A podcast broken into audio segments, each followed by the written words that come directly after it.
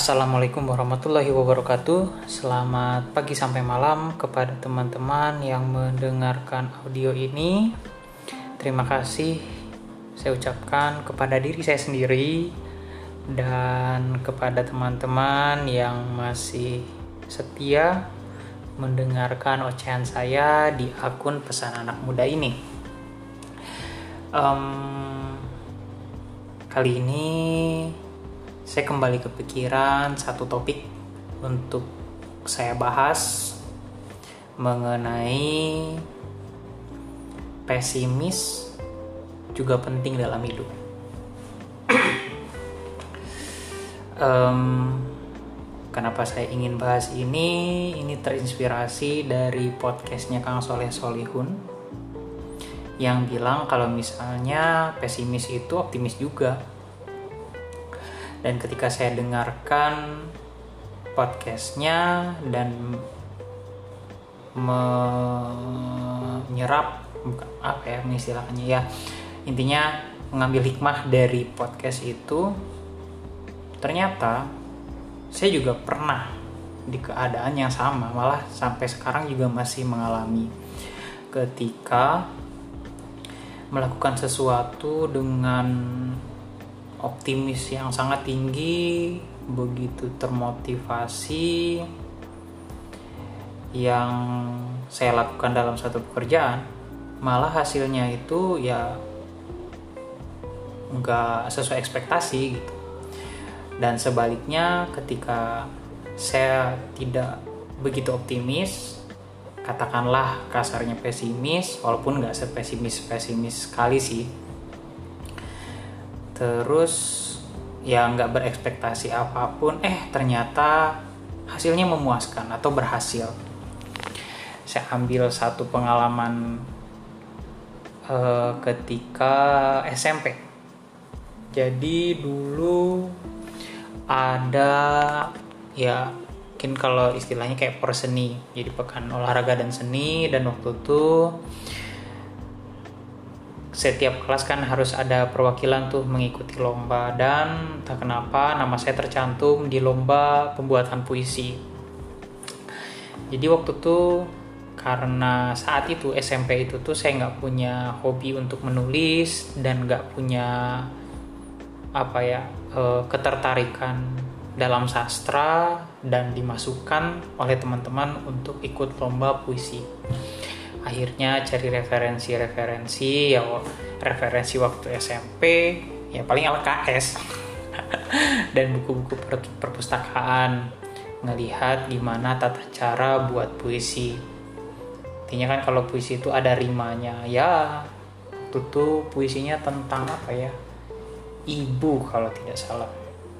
Saya juga lupa detail kata-katanya seperti apa cuman konsepnya saat itu semuanya rimanya A.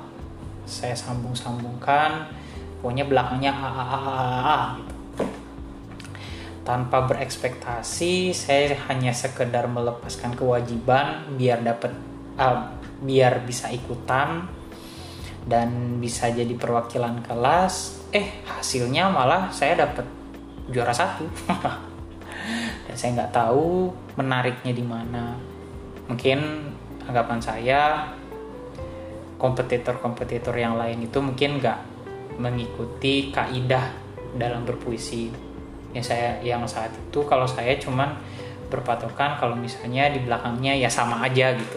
Hurufnya sama jadi ketika dilafalkan berima kayak gitu. Dah dan itu prestasi saya yang benar-benar jujur. Sebelumnya kan saya uh, di podcast sebelumnya saya bahas saya sempat juga berprestasi juara satu tapi hasil nyontek. Nah kalau ini memang murni saya buat sendiri dan pada akhirnya saya juara dan itu saya tidak berekspektasi apa-apa gitu. Ternyata juara.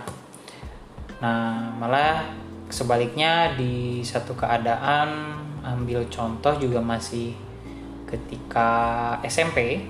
Jadi dulu saya punya hobi untuk um, main basket. Nah, ekspektasi saya tuh tinggi karena saat itu saya dinobatkan sebagai ketua eh, basket.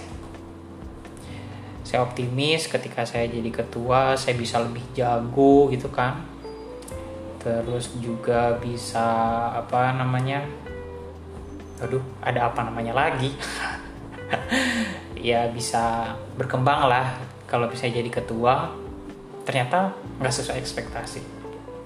Nah jadi kembali lagi ke topik yang tadi jadi kadang ketika kita pesimis ya katakanlah tidak tidak begitu berambisi malah hal-hal yang tak terduga terjadi gitu. Dan sebaliknya ketika kita sangat optimis malah nggak sesuai gitu. Mungkin saya juga nggak tahu apakah yang salahnya antara pesimis dan optimis atau yang salahnya tentang ekspektasi kayak gitu. Tapi menarik juga dan dewasa ini setelah setelah uh, lewat SMP masuk ke kuliah juga sama seperti itu gitu. Jadi saat itu UMPTN lah atau SBMPTN um, mundur dulu SNMPTN ketika SNMPTN saya waktu berekspektasi bisa masuk ke teknik sipil. Udah sangat semangat walaupun awal mulanya kenapa suka teknik atau keter, ada ketertarikan ke teknik sipil sipil sipil karena ya bisa ngerangkai-rangkai bangunan dengan stick es krim gitu. Eh ternyata nggak nggak keterima. Pas SBMPTN pilih jurusannya asal eh ternyata salah satunya nyangkut keterima. Jadi ya pesimis juga penting dalam hidup. Jadi namanya hidup juga paradoks. Jadi kalau misalnya hidup optimis optimis terus ya membosankan juga. Begitu juga sebaliknya. Jadi ya harus diimbangi. Um, menariknya saya tidak menyarankan untuk teman-teman yang mendengarkan jadi pesimistis atau misalnya jadi orang yang dikit-dikit pesimis dikit-dikit pesimis mungkin lebih kepada ketika kita melakukan sesuatu ya udah jalani aja lepas aja. Mungkin ada target yang kita um, buat tapi nggak menu apa melulu tentang ekspektasi ketika kita sudah buat target ya kita juga punya ekspektasi yang tinggi gitu jadi nggak nggak harus kayak gitu. Yang, terpenting ngejalanin aja.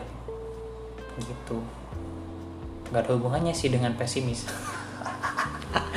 Cuman ada di momen-momen keadaan saya tuh ketika tidak berekspektasi atau e, katakanlah tidak beroptimisme tinggi atau katakan sama dengan juga pesimis hasilnya malah di luar dugaan. Tapi sebaliknya ketika kita pes, uh, optimis malah di luar dugaan juga cenderung kepada yang misalnya yang nggak tercapai. Gitu. Jadi kepada teman-teman tetap menyerah jangan semangat. Nggak bercanda. Tetap semangat jangan menyerah. Pokoknya ngelakuin sesuatu itu dengan ikhlas terus juga ya dengan apa adanya. Malah dengan kita melakukan sesuatu itu dengan apa adanya dengan ikhlas hasilnya juga bakal ya nggak nggak memberatkan kita gitu. Ya sesuai dengan kemampuan kita. Itu aja sih. Semoga bermanfaat. Saya cuma ingin sharing um, pengalaman saya setelah mendengarkan podcastnya Kang Soleh karena sama gitu. Tapi bukan berarti menyarankan untuk teman-teman yang mendengarkan jadi orang yang pesimistis kayak gitu. Dan ya mungkin kesimpulannya ya melakukan sesuatu ya jalanin aja gitu. Jangan terlalu berekspektasinya terlalu tinggi. Intinya fokus ke target gitu. Wih.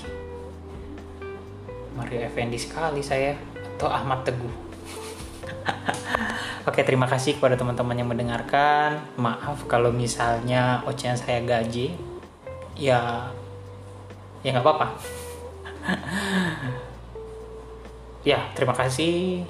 Selalu ingat bersyukur.